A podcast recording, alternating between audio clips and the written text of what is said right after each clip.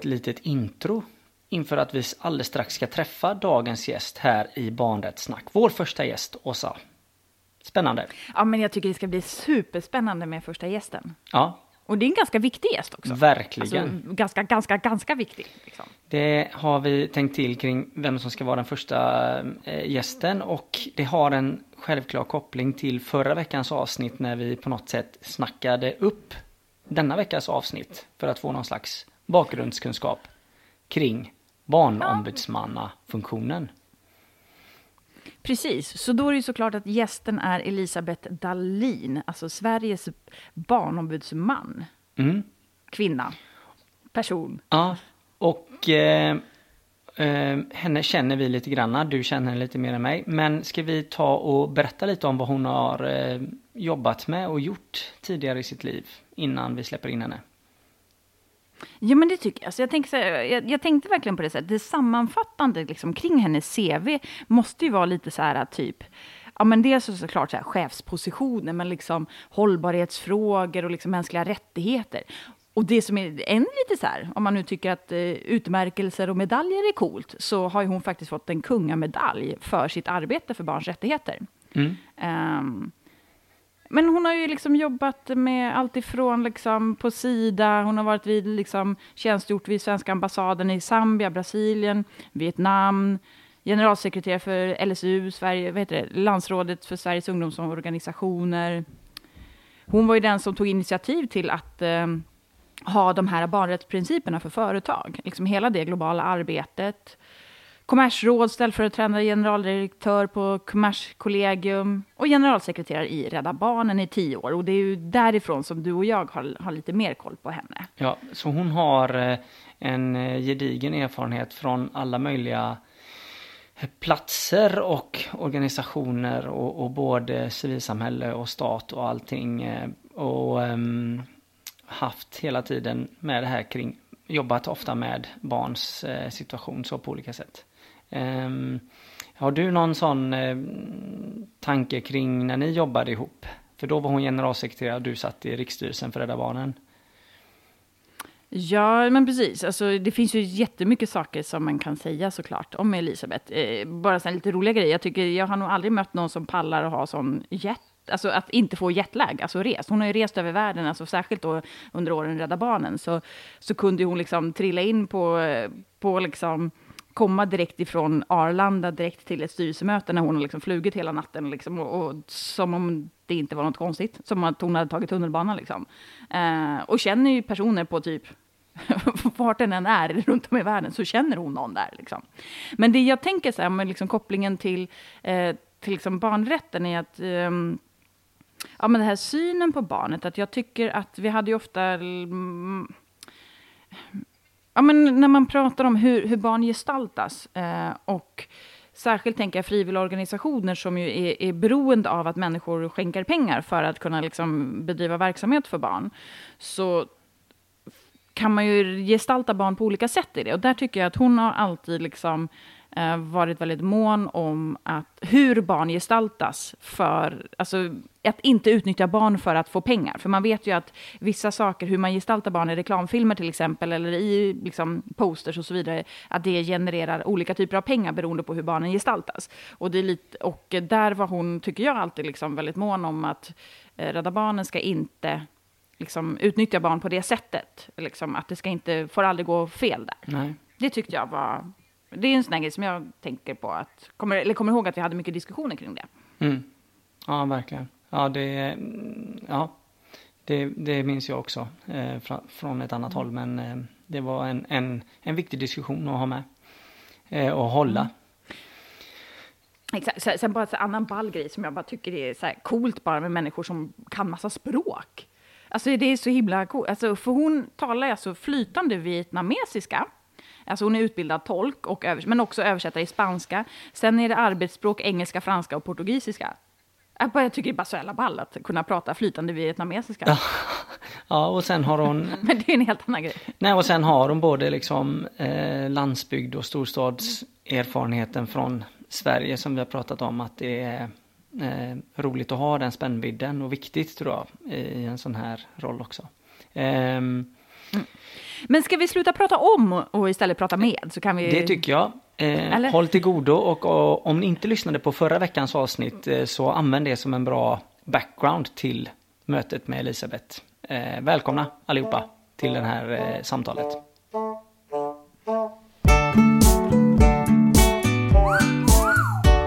Du hänger i en trampets i en yoga. Ja. Det är sådana yogasnör. Så här väldigt uppklädd också i plyschkläderna. Hej, hej, hej allihopa. Det är måndag. Det är dags för nytt avsnitt av Barnrättssnack. Vårt jubileumsavsnitt och idag har vi en eh, jättespeciell händelse. Vi har vår första gäst. Och Den första, år, första.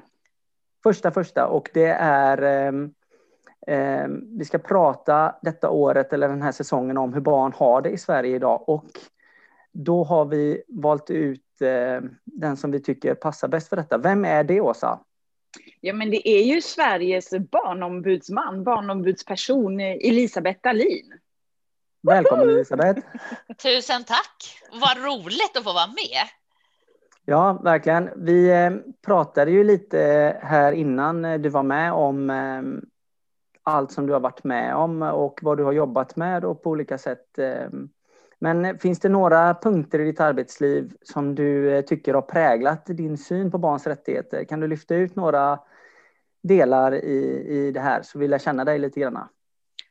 Ja, men absolut. Men dels tror jag liksom min uppväxt på, på en ö i Norrbottens skärgård och de olika uppväxtvillkor som barn faktiskt har och olika livschanser. Eh, sen har jag jobbat 14 år i några av världens fattigaste länder och just kunnat se vad, hur, hur utsattheten kan ha så väldigt många olika ansikten. Eh, ytterligare som jag tänker, eh, frånsett då Rädda Barnen, det hade möjlighet under tio år att jobba direkt med barns rättigheter också på LSU, där jag var generalsekreterare i fyra år. Och vikten utav barns egen organisering och att lyssna på barns egna ja, organisationer, men framför allt den här drivkraften att det går att förändra. Det går att göra någonting överallt och vikten att det faktiskt också görs. Mm. Um, du säger att du har, eh, eller du har ju jobbat i några av de fattigaste länderna. Hur, har du, hur tar du med dig det i arbetet eh, idag? Eller hur, hur har det präglat dig för att möta och jobba med barn i Sverige? Eh, men jag tror att det här utsatthetens pris, oavsett i var, var, det händer geografiskt, konsekvenserna för det enskilda barnet blir ju oerhörda. Och det handlar hela tiden om de här grundläggande rättigheterna. Till liv och hälsa, till utbildning, till trygghet och skydd. Och får inte barnet det här grundläggande stödet så blir konsekvenserna livslånga för barnet. Och vi kan kanske luras ibland att tro att ett land som Sverige där vi har det kanske världens bästa skyddssystem för barn, där vi har en god ekonomi, där all, livschanserna borde finnas för alla barn, så kan vi också se att väldigt många barn faller genom, genom skyddsnätet. Och konsekvenserna blir detsamma oavsett om du växer upp i Sverige eller Brasilien eller Vietnam. Mm. Um, Åsa säger ibland att hon inte har något minne här, men vi har ju, vi, vi, pratade, vi skickade en fråga till dig här eh, också innan. Att, eh, men finns det något eh, särskilt minne från, från din barndom? Någon person eller någon händelse eller någon, någon, någon som du har med dig och som, som, som finns där hos dig? Alltså någonting som jag har tänkt på och det är det här att barn när du växer upp så tar man ju väldigt saker väldigt naturligt. Saker och ting bara är sånt om inte någon har sagt någonting. Alltså jag tänker, jag är väldigt glad för min uppväxt. Det är en liten bruksort. Eh, det finns ju väldigt mycket gott i att växa upp också ute på, på landsbygden eller var du än, än bor. Och jag tror att, att eh, men jag tror att effekterna av utsatthet är nog inte så, så stor skillnad på om man växer upp i en storstad eller ute på landet. Och jag tänker på när vi pratar om, om utanförskap bland barn eller barnfattigdom. Eh, det är ju inte inte, eh, och då tänker man ofta kanske på, på, på, på förorter till storstäderna. Men utsattheten är ju lika stor på till exempel gamla bruksorter med hög arbetslöshet, få möjligheter till, till att kunna få jobb på orten. Eh, men jag är, väldigt, jag är väldigt glad och stolt över att fått växa upp på en liten ort. Mm. Mm. Har du någon specifik artikel som du ändå känner så att ja, men den, här, den här gillar jag extra mycket?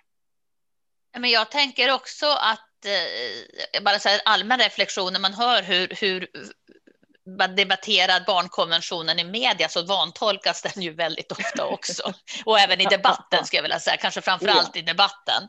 Och där är det viktigt, liksom, och där är det viktigt att se, se liksom, att alla artiklarna hänger ihop. Men jag tänker ändå att barns rätt till trygghet och skydd och att mm. skyddas mm. från våld är så central. Mm. För vi vet vad våldet innebär för, för barn och för deras livschanser och deras utveckling. Mm. Helt sant. Finns det någon så här artikel som du så gärna skulle ta bort eller om du fick här, formulera om typ och tänka att det här var ju inte så smart tänkt eller det här kanske man skulle ha gjort på ett annat sätt idag?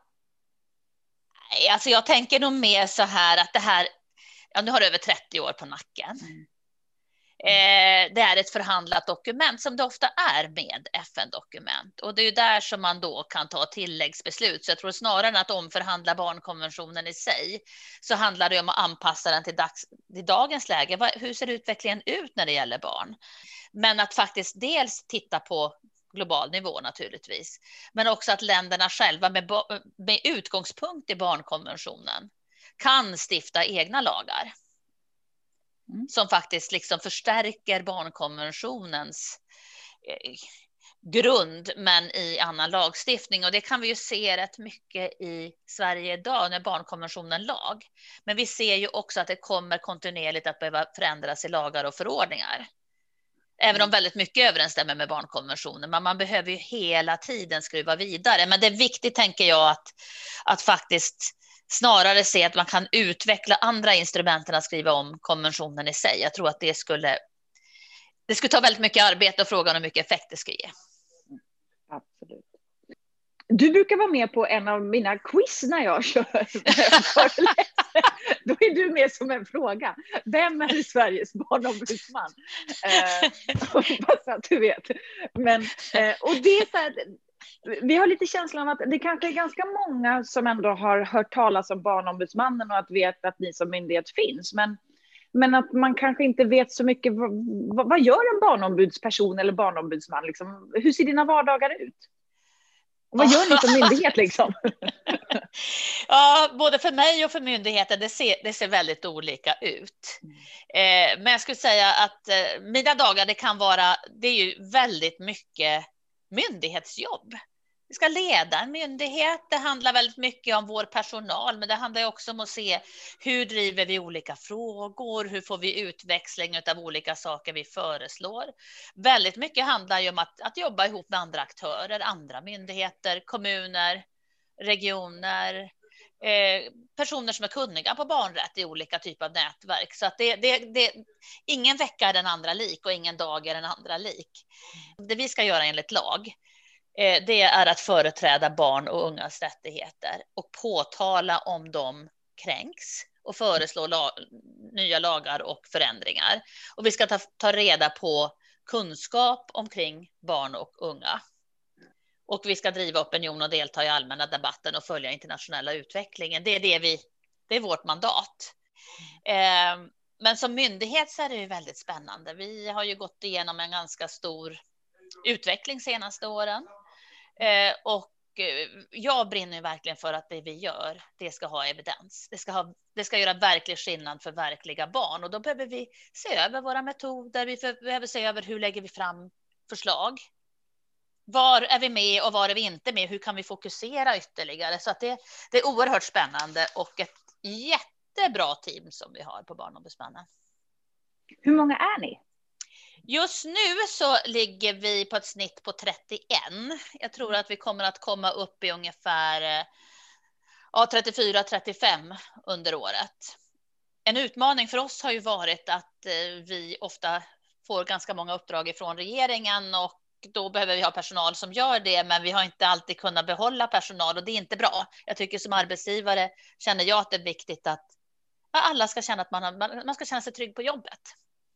För FNs kommitté för barnets rättigheter har ju liksom riktat kritik, inte mot egentligen myndigheten i sig, eh, inte att en barnombudsperson eller barnombudsmannen som myndighet finns, men, men det här när, när de tycker att barnombudsmannen inte är liksom tillräckligt oberoende.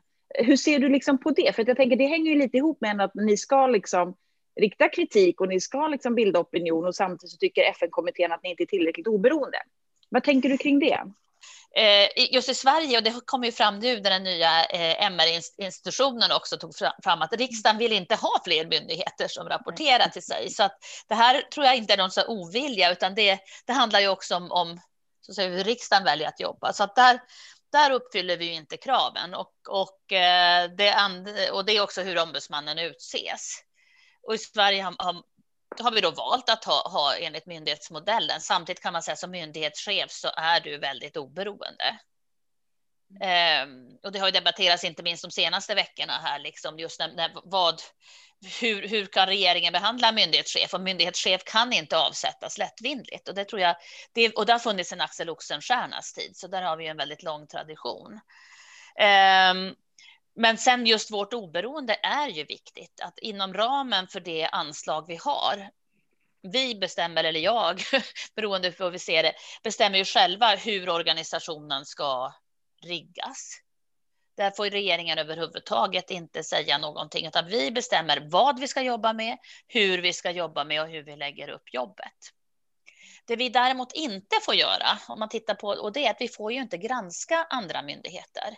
Och vi har ingen översyn eller tillsyn av myndigheter eller kommuner och vi får inte engagera oss i, i, i enskilda fall.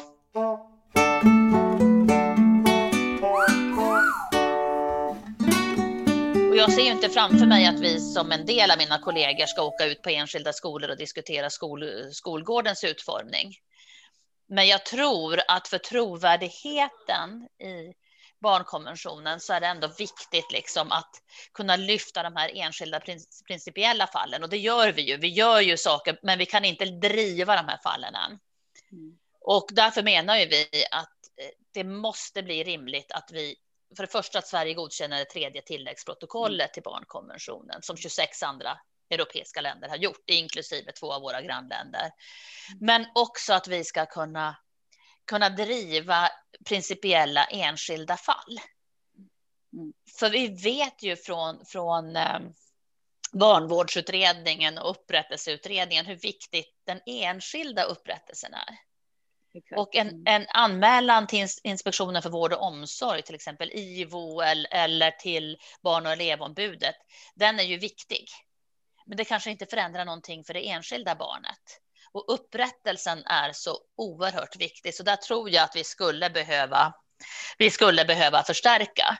Det som också är viktigt där, det är ju också att, att eh, det skulle gälla de barn som kanske inte har resursstarka föräldrar eller föräldrar som stöttar barnet. De barn som kanske behöver det här mest är de som har minst chans att driva sina ärenden. Så ytterst handlar det ju om också om en likvärdighetsfråga om man säger vilka beslutsfattare hör av sig till er, är det eh, kommunalråd, är det personer på regionnivå? Eh, hur ser den eh, liksom dialogen ut med dem? Eh, Ja, det, det, det på alla nivåer. Det vi får allt mer, det är ju beslutsfattare på central nivå. Mm. Eh, så sent som, kan det vara, två och en halv vecka sedan så ringde en kommunchef och sa hur ska vi kunna jobba när det gäller covid-19 och barns rättigheter och barns mm. rätt till delaktighet. Och det handlar både om fritid men också kring besluten. Och, och för oss var det här, jag tycker det var, det, den typen av samtal ser vi allt mer. Och det är liksom inte ommätt med barnkonventionen utan huret. Mm. Och hur kan vi tänka? Och det är där vi tycker det är så viktigt att samla de här erfarenheterna. Det behöver ju inte se likadant ut. För kommuner kan se väldigt olika ut till exempel. Mm. Men det viktiga är ju att kanske inte behöva uppfinna hjulet utan att kunna inspireras av hur andra har gjort. Men ja, det händer och det händer socialchefer, mm. eh, politiker som hör av sig. Vi eh, har ju varit i olika utskott och blivit inbjudna nu i riksdagen till exempel. Eh, och det har också känts väldigt viktigt att se hur, liksom hela, hur kan vi utveckla huret? vi har 290 kommuner, eh, vi är 21 regioner, eh, sen har vi typ 220 myndigheter. Alltså det kan väl inte på riktigt vara meningen att ni ska stötta alla dem? Eller, eller är det det på riktigt? alltså, vi har ju specifika uppdrag med ett antal myndigheter centralt mm. där vi då ska jobba gemensamt och det kan, de samarbetena kan se lite olika ut. I år har vi till exempel de rättsvårdande myndigheterna tillkommit samt Boverket och det är väldigt mycket på Boverkets egna eget initiativ, vilket är väldigt Kul. positivt med barn i, i samhällsplaneringen. Och vi hade en träff nu före jul med de myndigheter som har jobbat med oss i ett år och med generaldirektörerna för dem tillsammans med departementet. Och det är väldigt intressant att se tänker jag också den här, lär, den här kurvan. Vi var ju liksom taggade till tänderna första januari 2020 mm. för när barnkonventionen lag. Men en myndighet med flera tusen, kanske tiotusentals anställda. Mm. Att kunna genomföra någonting, det låter sig ju inte göras på ett år. Men det var väldigt kul att se hur långt många myndigheter har kommit och mm. efter det så har, har jag haft samtal med var och en av myndighetscheferna där. Mm. Eh, och det, det, det, är så roligt för nu finns ett ägande mm. När det gäller mm. barnrättsfrågorna. Hur kan vi göra bedömning? Tillbaks till kommunerna och huret. Hur mm. gör vi det här på bästa sätt? Och det är jättepositivt. Vad är det mer för myndigheter förutom Boverket? Så är det... Eh, Migrationsverket, Myndigheten för delaktighet, eh, MFOF, alltså Myndigheten för familjerätt och föräldraskapsstöd. Det är Skolverket, Socialstyrelsen, det är Statens institutionsstyrelse, Inspektionen för socialförsäkringen, um, Inspektionen för vård och omsorg, Spe Specialpedagogiska skolmyndigheten, Skolinspektionen, eh, MUCF, det är Jämställdhetsmyndigheten, Åklagarmyndigheten, Kriminalverket och Polismyndigheten. Mm. Och alla, alla de här myndigheterna har ju en central funktion när det gäller barns rättigheter. Ja, mm. absolut. Jag tänkte bara backa en. Eh, vi sa det lite grann där, men ni har ju Barnombudsmannen ger ju ut årliga rapporter och mm. där har vi ju tipsat om eh, kopplat till de olika avsnitten i barnkonventionen och artiklar. Hur, eh, och de är ju ofta väldigt bra, tycker jag, Åsa. Mm. Hur, hur, väljer ni ut de ämnena och hur, hur går det arbetet till? Och det är en viktig intern och, och extern process. Det handlar ju väldigt mycket om omvärldsbevakning och jag tror att det, det vi skruvar på mycket, det är ju vad gör andra? Var kan vi tillföra ett mervärde? Var kan vi utifrån vår roll driva på när det gäller barnets rättigheter? Och det kan se olika ut. Ibland har vi granskat till exempel eh, som vi gjorde i årsrapporten 2019 för, för 2019, till exempel situationen för placerade barn. Eh, och då handlar det ju väldigt mycket om att både titta på vad vet andra myndigheter, mm. intervjuer med barn, olika typer av besök, men sen det väldigt viktiga är också att skruva på vilka förändringar vill vi se? Mm. Och hur kan vi skärpa förslagen? Eh, I den rapport vi lämnade till regeringen i mars eh, för ja, knappt ett år sedan. Då granskade vi läget i Sverige precis. Hur såg det ut? Precis när barnkonventionen skulle bli lag och tanken här är att kunna få så att säga, ett nollvärde. Hur såg det ut för att sen under kanske var tredje eller femte år kunna mäta vilka skillnader ser vi? Det vi har gjort då är att bredda och använda lite olika linser när vi ska titta på barns rättigheter i Sverige, snarare ett än ett område att titta med, från lite olika håll. Och eh, det har ju handlat dels om samtal med barn, men det har ju också hand, handlat om att granska tingsrättsdomar när det gäller våld mot barn. Och där hade vi 48, 48 målsägande. Eh, och det var, nej, förlåt, 48 tingsrättsdomar. Och eh, målsägande var barn, eh, medelåldern bland barnen var sju år. Mm. Och det var från Skellefteå i norr till eh, Ystad i söder och vi hade avgränsat då och tittat på tingsrättsdomar där det var våld i uppfostrande syfte. Okay. Ja. Eh, just eftersom det byggde på agalagen och mm. eh, eller anti-agalagen och det var väldigt intressant att i många fall hade barn kommit till tals, men det finns ingen systematik kring barnets bästa och det är där vi kan skjuta in oss och vara tydliga. Och eh, det fanns väl tre slutsatser där vi gick fram till regeringen där och det är att barnrättsperspektivet i utredningar och rättsprocesser måste stärkas. Att det handlar om, inte om att skydda barnet från rättsprocessen utan i rättsprocessen. Mm. Inte från domstol utan i domstolen. Och att få in det här med rutiner i utredningar som jag pratade om tidigare. Har barnet kommit till tals? Vad var barnets åsikt? Vilken tyngd var, hade barnet? Det behöver inte bli som barnet hade tänkt, men vilken tyngd gav vi? Hur gjorde vi en bedömning av barnets bästa? Och att vi menar ju också att domstolarna ska kunna tillbakavisa utredningar som inte har gjort det här. Och jag tror att där behöver man liksom få de här prejudikaten. Nej, men det var inte nog bra gjort. Gör om och gör rätt. Kan vi få in den rutinen så ändrar vi ju möjligheterna för barn att höras. Det handlar också om barns rätt till eget ombud. Men vi tittade ju också mycket på med föräldrarätten gentemot barnrätten. Det är ju fortfarande väldigt mycket föräldraperspektivet det handlar om placerade barn Grundtesen är att barnet alltid ska tillbaka till biologiska föräldrarna. Ibland är det det absolut bästa för barnet, ibland är det det inte. Och då måste en bedömning av barnets bästa kunna göras. Men vi ser också i rättsprocesser, föräldrar kan ju hindra att barn kommer till tals. Och vi ser ju också att eh, domstolarna ibland, som vi tror av hänsyn till barnet säger, men blir för jobbigt för barnet, eller socialtjänsten säger, nej men det är nog inte, det är nog inte så bra att barnet kommer till tals. Och där menar vi att där måste perspektivet verkligen förändras. Tredje del är ju sekretessfrågorna. Eh, om ett barn kommer till barnahus och eh, ja, det kanske förekommer våld i hemmet, det kan förekomma missbruk eller det kan vara psykisk ohälsa eller en bland eller kriminalitet.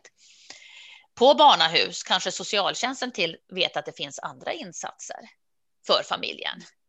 Men på grund av sekretessreglerna får de inte säga något. Polisen vet om att det finns misstankar eller till och med kanske att en förälder är häktad, eh, anhållen, men så länge man inte är häktad så får man inte yppa det. Eh, och det finns en rad andra aktörer som kan vara med och känna till, men våra nuvarande sekretessregler, det handlar ju om föräldrarnas integritet, Exakt. inte barnets. Så att där, där ser vi att det, det, krävs en rad olika åtgärder och där tittar vi till och med våran fina antiagalag ligger ju under föräldrabalken, inte under en barnbalk. Och sen för det tredje, barns rätt till upprättelse. Och den är tydlig enligt barnkonventionen och det är regeringens ansvar att se till att det sker. Och där driver vi på väldigt hårt för vi tror att vi måste kunna pröva utifrån det enskilda barnets perspektiv också när det gäller barnkonventionen. Mm. Mm. Men då måste ju, borde det inte dags liksom också nu då för det här årets rapport? Jag tänker det är väl lite, är ni i slutfasen av den eller hur ser det ut? Och vad, kan du säga någonting om vad det handlar om, kommande rapport, årsrapport? Absolut, och där, där hade vi ju lite andra planer i början på året. Det var ju väldigt speciellt år 2020 där vi då ja, barnkonventionen blev lag och vi hade ju då sett fram emot att kunna jobba med lite andra frågor och kanske mm. följa upp från året dessförinnan. Sen kom pandemin. Och då har det känts oerhört viktigt att se hur har barn påverkats av pandemin? Mm. Och det drog vi ju igång redan i, i mars i fjol. Ett arbete mm. bara för att kunna se vad är det som händer. Och för oss har det varit viktigt att titta på ja, men barns rättigheter förändras ju inte för att vi har en pandemi. Nej, precis barnkonventionen ska genomföras. Det vi kommer att titta på nu det är vad kan Sverige lära sig av pandemin när det gäller barns rättigheter i en samhällskris. Nästa gång är det kanske en annan typ av kris. Vad finns det för lärdomar då? Det är jättespännande. Jag tänker, vi har ju också, förlåt, men vi har ju också pratat om, alltså i podden har vi haft ett par avsnitt där vi liksom också har pratat om liksom pandemin och, och det någonstans vi har efterfrågat hela tiden är just det du säger, att eh, vart, alltså, kommuner kan vara skitduktiga, alltså, de flesta kommuner har kanske tagit mm. något så här typ näringslivsåtgärdspaket. Liksom. Mm. Hur ska vi stötta de lokala företagen? Hur ska vi se till att liksom, det funkar? Och att, att man har haft då stora dialoger med de lokala, liksom, ja, men det lokala näringslivet och liksom, ja, men fattat liksom, fullmäktige beslut om vilka insatser som ska göras. Men om vi jämför det med hur man har gjort tillsammans med barn och unga så kan vi inte riktigt se det. Utan det kanske är fler och fler kommuner som börjar liksom, som pratar om ändå att barn och unga påverkas och kanske hur, men att man inte kanske sätter ihop det i, rätt, alltså i kontexten av rättigheter. Mm. Um, så det, jag tänker, det ska bli, bli jättespännande rapport att, att ta del. När, när, när kan folk ta del av den? Den 23, som preliminärt 23 mars så ska vi överlämna den till regeringen. Ja. Och nu har vi både i fjol och i år så kommer då det kommer att, som vi planerar i alla fall, om allting funkar, att barn också kommer vara med och träffa ministern och mm. departementsledningarna. Mm. Eh, men jag tänkte bara backa en grej till kring det här med föräldraskap och föräldrars roll och vi pratade om, om det lite tidigare. Ehm, för det är någonting som vi har pratat om också i podden kring de olika artiklarna, att föräldradelen och eh, föräldrars roll är väldigt viktig i barnkonventionen och samtidigt så, så har vi också att barn hamnar i konflikt och du säger att många av de samtal ni får är kring vårdnadsutredningar. Mm. Hur, hur resonerar ni på Barnombudsmannen kring kring föräldrar mer. Vill du säga något mer om det? Nej, nej men alltså vi, vi tänker där, en, en enkel sak, liksom, att man behöver göra en genomlysning med, med föräldrars samtycke. Mm.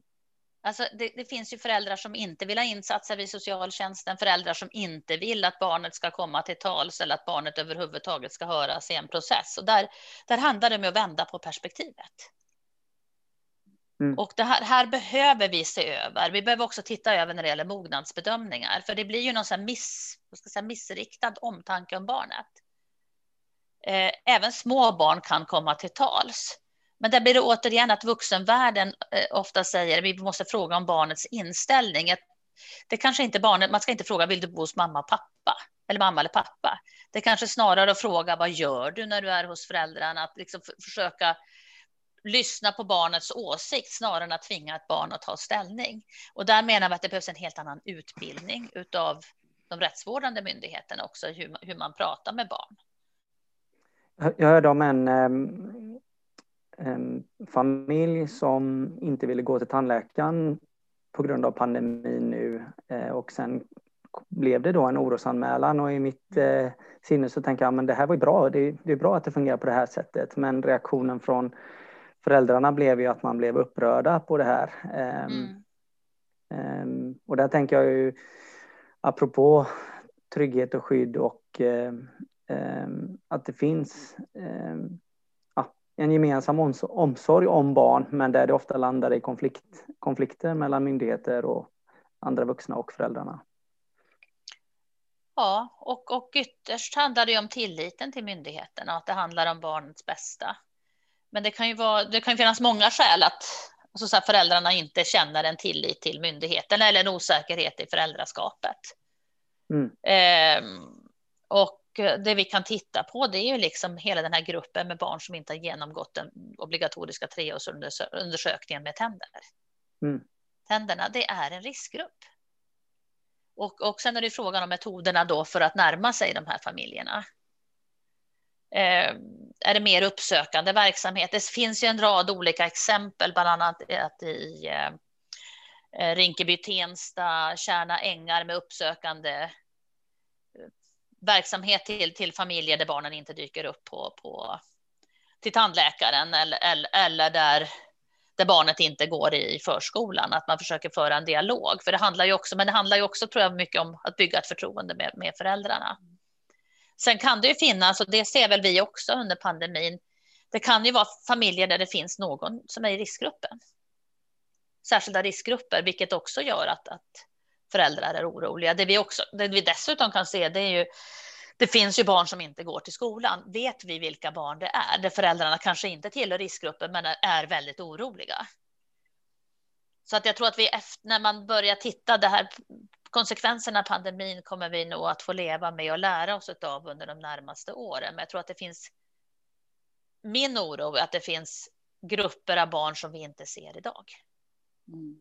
Som blir väldigt negativt påverkade av pandemin. Men därför att, precis som du var inne på, hur ser det ut med skolhälsovården? Den är redan på många ställen väldigt, väldigt nedskalad.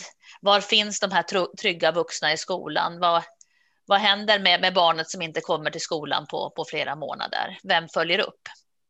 Hur har dialogen med beslutsfattare, med regering och så vidare varit liksom längs vägen under den här pandemin? Alltså hur mycket har ni varit involverade eller liksom fört fram saker? Till exempel med beslut att skolorna inte ska stängas eller när det handlar om eh, nu har ju liksom fritidsmöjligheterna för barn eh, öppnat igen, men liksom är ni med i de diskussionerna på något sätt eller liksom för ni fram eh, utifrån ett barnrättsperspektiv eh, hur saker och ting kan komma att påverka barn. Liksom. Absolut, och vi är med på olika sätt. Vi, mm. Det var väl redan i slutet på mars eller början på april som vi lämnade in på, på vårt eget initiativ vår första lägesbedömning till regeringen. Mm. För att vara väldigt tydliga med vad, vad vi såg och sen har vi återkommit där. Sen är vi ju med i olika samordningsgrupper, både på, på nationell nivå men också med, med Länsstyrelsen i Stockholm till exempel. Jag har suttit med med Folkhälsomyndigheten ibland och med Myndigheten för säkerhet, MSB mm. säkerhetsskydd och beredskap. Så att vi är ju med i olika sådana sammanhang också. Sen har vi ju själva bjudit in till flera rådslag med civilsamhället för att kunna lyssna in. Vad är det vi ser? Så att vi, jag skulle säga vår roll är ju både att, både att söka information men också att göra bedömningar.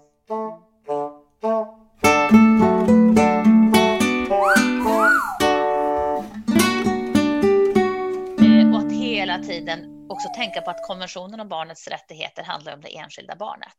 Mm. Det går både att göra bedömningar på gruppnivå, men också vi behöver ta det på individnivå. Eh, man tar till exempel distansundervisning för barn med eh, i grundsärskolan eller gymnasiesärskolan eller barn som är nyanlända, då är det kanske distansundervisningen inte alls någonting bra. Mm. Eh, samtidigt har vi hört från elever med, med eh, olika diagnoser inom autismspektra till exempel som säger för första gången funkar min skola. Mm. Vi ska ju veta att enligt skollagen får man ju inte ha generell distansundervisning, men för en del barn har det här varit väldigt bra. Men det vi hör från de flesta barn är ju att barnen vill ju gå till skolan. Mm. Vad lyfter barn för frågor idag eh, till er? Om, om vi bortser från eh, pandemin. Eh. Nej, men det, det, det, det, är väldigt skiftande och det ska det tycker jag positivt. Det ska mm. det vara. Det kan vara barn som är placerade som har det svårt. Det kan vara barn som har föräldrar som inte är överens.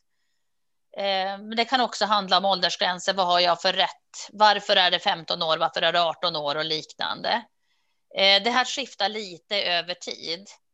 Eh, så att jag skulle säga att det, det det är bra att vi får de här frågorna och där kan vi också få span på saker som vi säger att ja, men det här behöver vi titta mer på.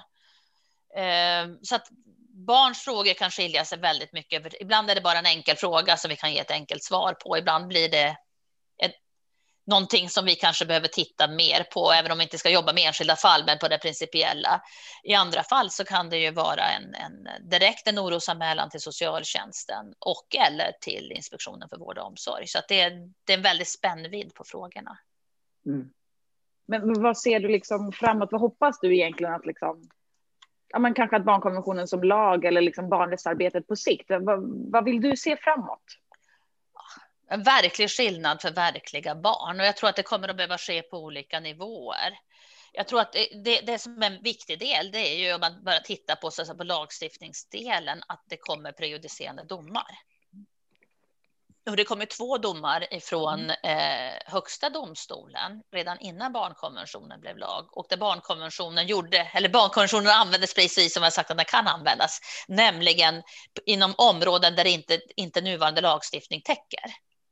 Och där finns ju två prejudicerande domar om, om vikten av barnets bästa. Sen kom det en ytterligare en dom från, från Högsta migrationsdomstolen i ett fall där det också handlar om barnets bästa, om, om ett barn som var uppväxt i Sverige. Och den, den var ju också prejudicerande. Men vi vet inte vilka andra typer av frågor som kommer i rättsväsendet, men vi bygger ju upp en rättsdatabas nu som vi kommer att ha hos Barnombudsmannen där vi faktiskt ska kunna följa rättsutvecklingen. Och jag, jag skulle säga om fem år kanske vi kan se där. Eh, det som också behöver hända nu, det är den här systematiken och alltså jag skulle säga byråkratins lov. Eh, liksom att vi faktiskt får in det här i rutiner. Hur har barnet kommit till tals? Har vi gjort en bedömning av barnets bästa? Och att få in den här rutinen i alla beslutsprocesser. Det handlar om utredningar kring enskilda barn, men det handlar ju också om, om, det handlar om skolan, det handlar om fritid, det handlar om samhällsplanering. Att, att få in de här bitarna, att arbetsgrupperna eller de, de olika förvaltningarna jobbar med det här. Jag tror att då kommer vi få, få mycket bättre beslut för barn och vi kan ju till och med se att barn, om barn involveras även vid svåra, svåra ärenden som, som en placering enligt LVU att om barnet är involverat i processen så blir det ett mycket bättre beslut. Mm. Mm. Så jag tror det handlar nu väldigt mycket om att och, och sen titta efter hur får vi in det här i andra rutiner i myndigheter hur, hur, och, och sen det tredje, hur stärker vi barns egna kunskaper? Mm. Mm. För kan man inte utkräva sina rättigheter, då är de inte så mycket värda och då handlar det också om möjligheten att, att faktiskt kunna, kunna ha klagorätt. Eh, det, det, vi har jobbat mycket med det senaste året och kan säga att den, det vi, hypotesen för vår årsrapport som vi börjar påbörjat jobbet nu, det är barns delaktighet. Mm. Mm. Eh, men det är ofta att delaktighet kan förväxlas med klagorätt. Jag skulle säga att det är två olika sidor på samma mynt delakt, klagorätten förutsätter att det funnits en delaktighet, annars så kommer det bara bli så här pingpong, nej, det blev inte bra. Men jag tänker här, här kommer det handla om den systematiska delaktigheten och det finns ju bra exempel i många kommuner. Det finns myndigheter som jobbar. återigen, det behöver inte se likadant ut överallt. Men så, så det måste finnas en princip att barn ska vara delaktiga. Mm. Och se till att, att också många barn blir delaktiga. Och att hitta former för det, det tror jag kommer vara en utmaning nu. Och se till att det sätter sig, att det faktiskt blir systematiskt, att inte vi, man ser ju ibland på olika ställen, ja men vi hade bra för två år sedan och sen rann det ut i sanden. Ja. Och om man tänker framtidsmässigt, tror du att vi kommer liksom se, ja men typ så här, lokala barnombudspersoner eller, eh, eller lokala klagorättsmekanismer? Eller kommer vi ha liksom kanske fler juridiska processer där barn själva är liksom part? Eller kommer vi se sänkt rösträtt? Vad, vad, tänker du? Liksom? Vad skulle framåt? Kommer vi se sånt? Det är mycket, alltså jag tror att vi kommer att se eh, lokala barnombud. Jag tror att det, en del har ju det redan. Mm. Eh, eh, det viktiga tänker jag, det är ju verkligen att det får genomslag. Att man, eh, det finns alltid en risk om man lägger på specialiserade funktioner att då slipper man ta tag i de mer djupgående strukturella bitarna. Så det är viktigt att mandatet då handlar om att förändra i hela kommunen, till exempel. Eh, och vi har sett många goda sådana exempel, men jag tror att det finns. Jag har också mött personer som har varit barnrättsstrateger som säger att det är väldigt svårt att få gehör. Och där handlar det ju väldigt mycket för beslutsfattarna att faktiskt ta ett beslut. Eller ta många beslut. Eh, jag hoppas att vi kommer att se kommunala kommunal klagorätt i någon form. Eh, här blir ju utmaningen, det finns väldigt olika storlekar på kommunerna och då tycker jag det är väldigt intressant det eh, SKR kommer att sjösätta nu och det handlar om socialtjänsten, att barn som är placerade 24-7 ska kunna få hjälp och vägledas. Mm. Jag tror att det kan kanske komma sådana saker där vi kombinerar nationell del mm. med den kommunen så att barnet hamnar rätt. Jag har klagomål A, ja men det berör din kommun, då kan du göra så här. Klagomål B, nej men det här är en strukturell fråga. Att man faktiskt försöker, alltså verkligen un, möjliggör och underlättar för, för barns klagorätt.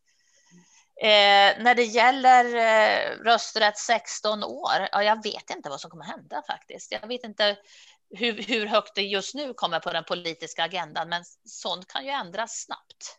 Mm. Har ni tagit ställning som liksom myndighet eh, i den frågan? Eh, ja, vi har tagit ett tidigare remissvar. Det är ingen fråga som vi driver just nu. Eh, eftersom det inte finns, som myndighet kan vi inte liksom driv, driva den på det sättet.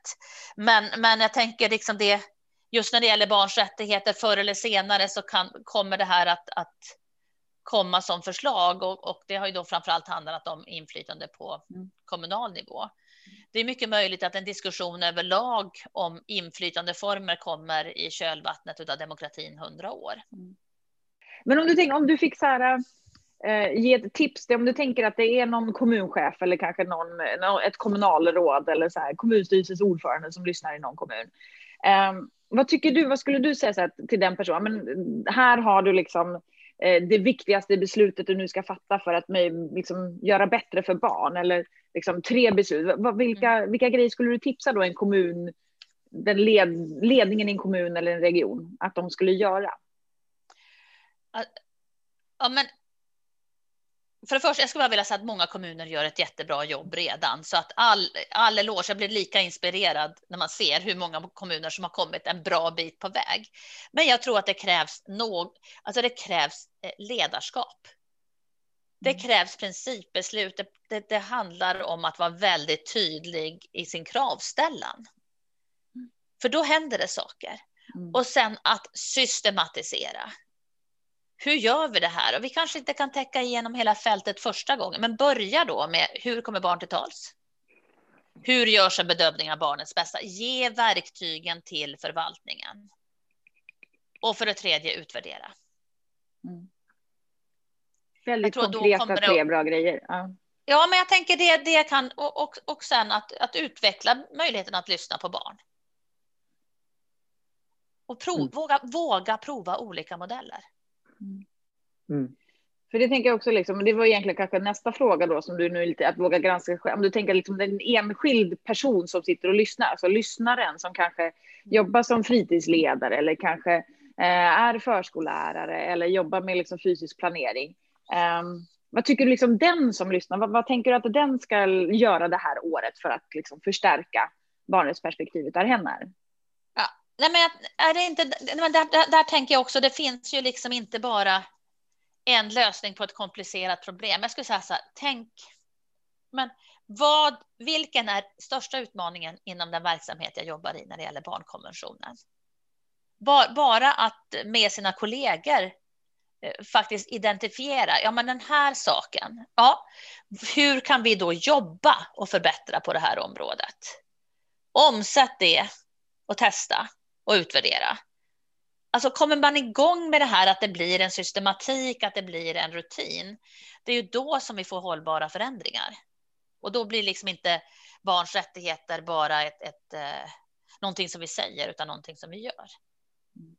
Mm. mm. Jag tänker på, eh, på dig Elisabeth, det känns eh, på något sätt som att du är lojal mot barnet och har varit lojal mot barnets rättigheter hela vägen. Um, och det tänker jag är en sån grej som verkligen behövs. Ehm, hur kan man hur kan eh, vi bli mer lojala mot barnen? Ehm, det är mer en attitydsfråga, men hur kan vi få in den känslan på något sätt? Ja, det där är viktigt. Men jag tänker där är det viktigt att, att välja det perspektiv vi tar. Mm. Och att faktiskt ifrågasätta hela tiden. Är det här det bästa sättet att göra det på? Eh, jag vet inte hur många gånger, och det handlar inte bara om när det gäller barns rättigheter, mött, ja men så gör vi på det här stället, eller det här är den rutin vi har. Ja, just nu ja. Mm. Eh, och då tänker jag, där, där, där handlar det ju om att faktiskt våga ta ett annat perspektiv. Vi pratar integritet. Ja, vems integritet? Är det föräldrarnas integritet vi skyddar? Eller skyddar vi barnens integritet? Eh, när det gäller våld, vad, att faktiskt våga prata med barnet, våga sätta ord på det som sker. Eh, för det är någonting vi hör från så många barn. Eh, det är ju varför gjorde ingen någonting tidigare? Ni måste ha sett, ni måste ha förstått. Och då tänker jag det handlar ju om civilkurage. Mm. Och det finns många som har visat det, många som faktiskt vågar, våg, våg, vågar anmäla, vågar ta tag i. Men jag tänker också det är det viktiga, liksom, men om man misstänker att ett barn far illa, jag menar, man, ibland man bara fråga barnet, det kan ju vara så lite som att fråga hur är det? Mm. Hur mår du? Tala om att du finns där för barnet. Och om, om man misstänker att någonting inte är okej, okay, men gör en anmälan. Vi som jobbar med barn måste ju göra det enligt lag. Vi begår ju tjänstefel om inte vi gör en anmälan. Allmänheten, alla andra kan göra en anonym anmälan. Och sen är det socialtjänstens skyldighet att, att utreda det hela. Och var det ingenting, ja men då var det väl bra. Mm. Men ofta så känner man i magen att någonting inte är rätt så stämmer det rätt ofta. Och våga lyssna på barnets signaler. Och tänk även där perspektivet. Eh, är det viktigare att hålla sig väl med grannen, eh, släktingen, arbetskollegan? Eller är det viktiga att barnet får en trygg uppväxt? Och att familjen kanske får hjälp? Ja, precis. Det här är precis vad vi ofta avslutar podden med. Våga fråga, våga lyssna, våga vara där och vara närvarande är en sån eh, liksom, uppmuntran som vi brukar ge till eh, alla som lyssnar på oss. Ehm, Åsa, har du något mer du vill fråga? Nej, nej, utan jag tänker det är ju mer verkligen precis om man skulle försöka liksom någonstans summera delar. Ja, men det handlar ju mycket om att vänd på perspektivet, utgå ifrån barnet. Det ska göra verklig skillnad för verkliga barn. Det är någonting som återkommer mm. och det gör man genom att vända på perspektivet, ha systematiken och liksom fråga sig vad tycker barnen och hur gör vi bedömning av barnets bästa. Det är liksom någonstans egentligen på ett, höll på att säga, ganska enkla grejer, men det är samtidigt också någonting som är ganska enkelt att glömma bort tydligen för vuxna. Ehm, mm. Det är väl egentligen det. Jag tyckte också att du formulerade det väldigt bra där Linus, det här med liksom att, att i, i hela det här samtalet så har ju du här, lojaliteten gentemot barnet och barnets rättigheter. Och det är ju det som vi måste bära med oss. Eh, annars så blir det ju inte en förändring för barn. Då gör vi som vi alltid har gjort. Och vi har en unik chans nu att se till att jobbet blir gjort. Mm. Mm. mm. Ja, precis. Det tycker jag. Se till att jobbet blir gjort. Jag tycker det, det var ett bra avslutande. ja, och använd allt det material som finns hos Barnombudsmannen på myndighetens hemsida. Det är väl en uppmaning och det är ju ett av de tydliga uppdragen att sprida information och kunskap och metoder.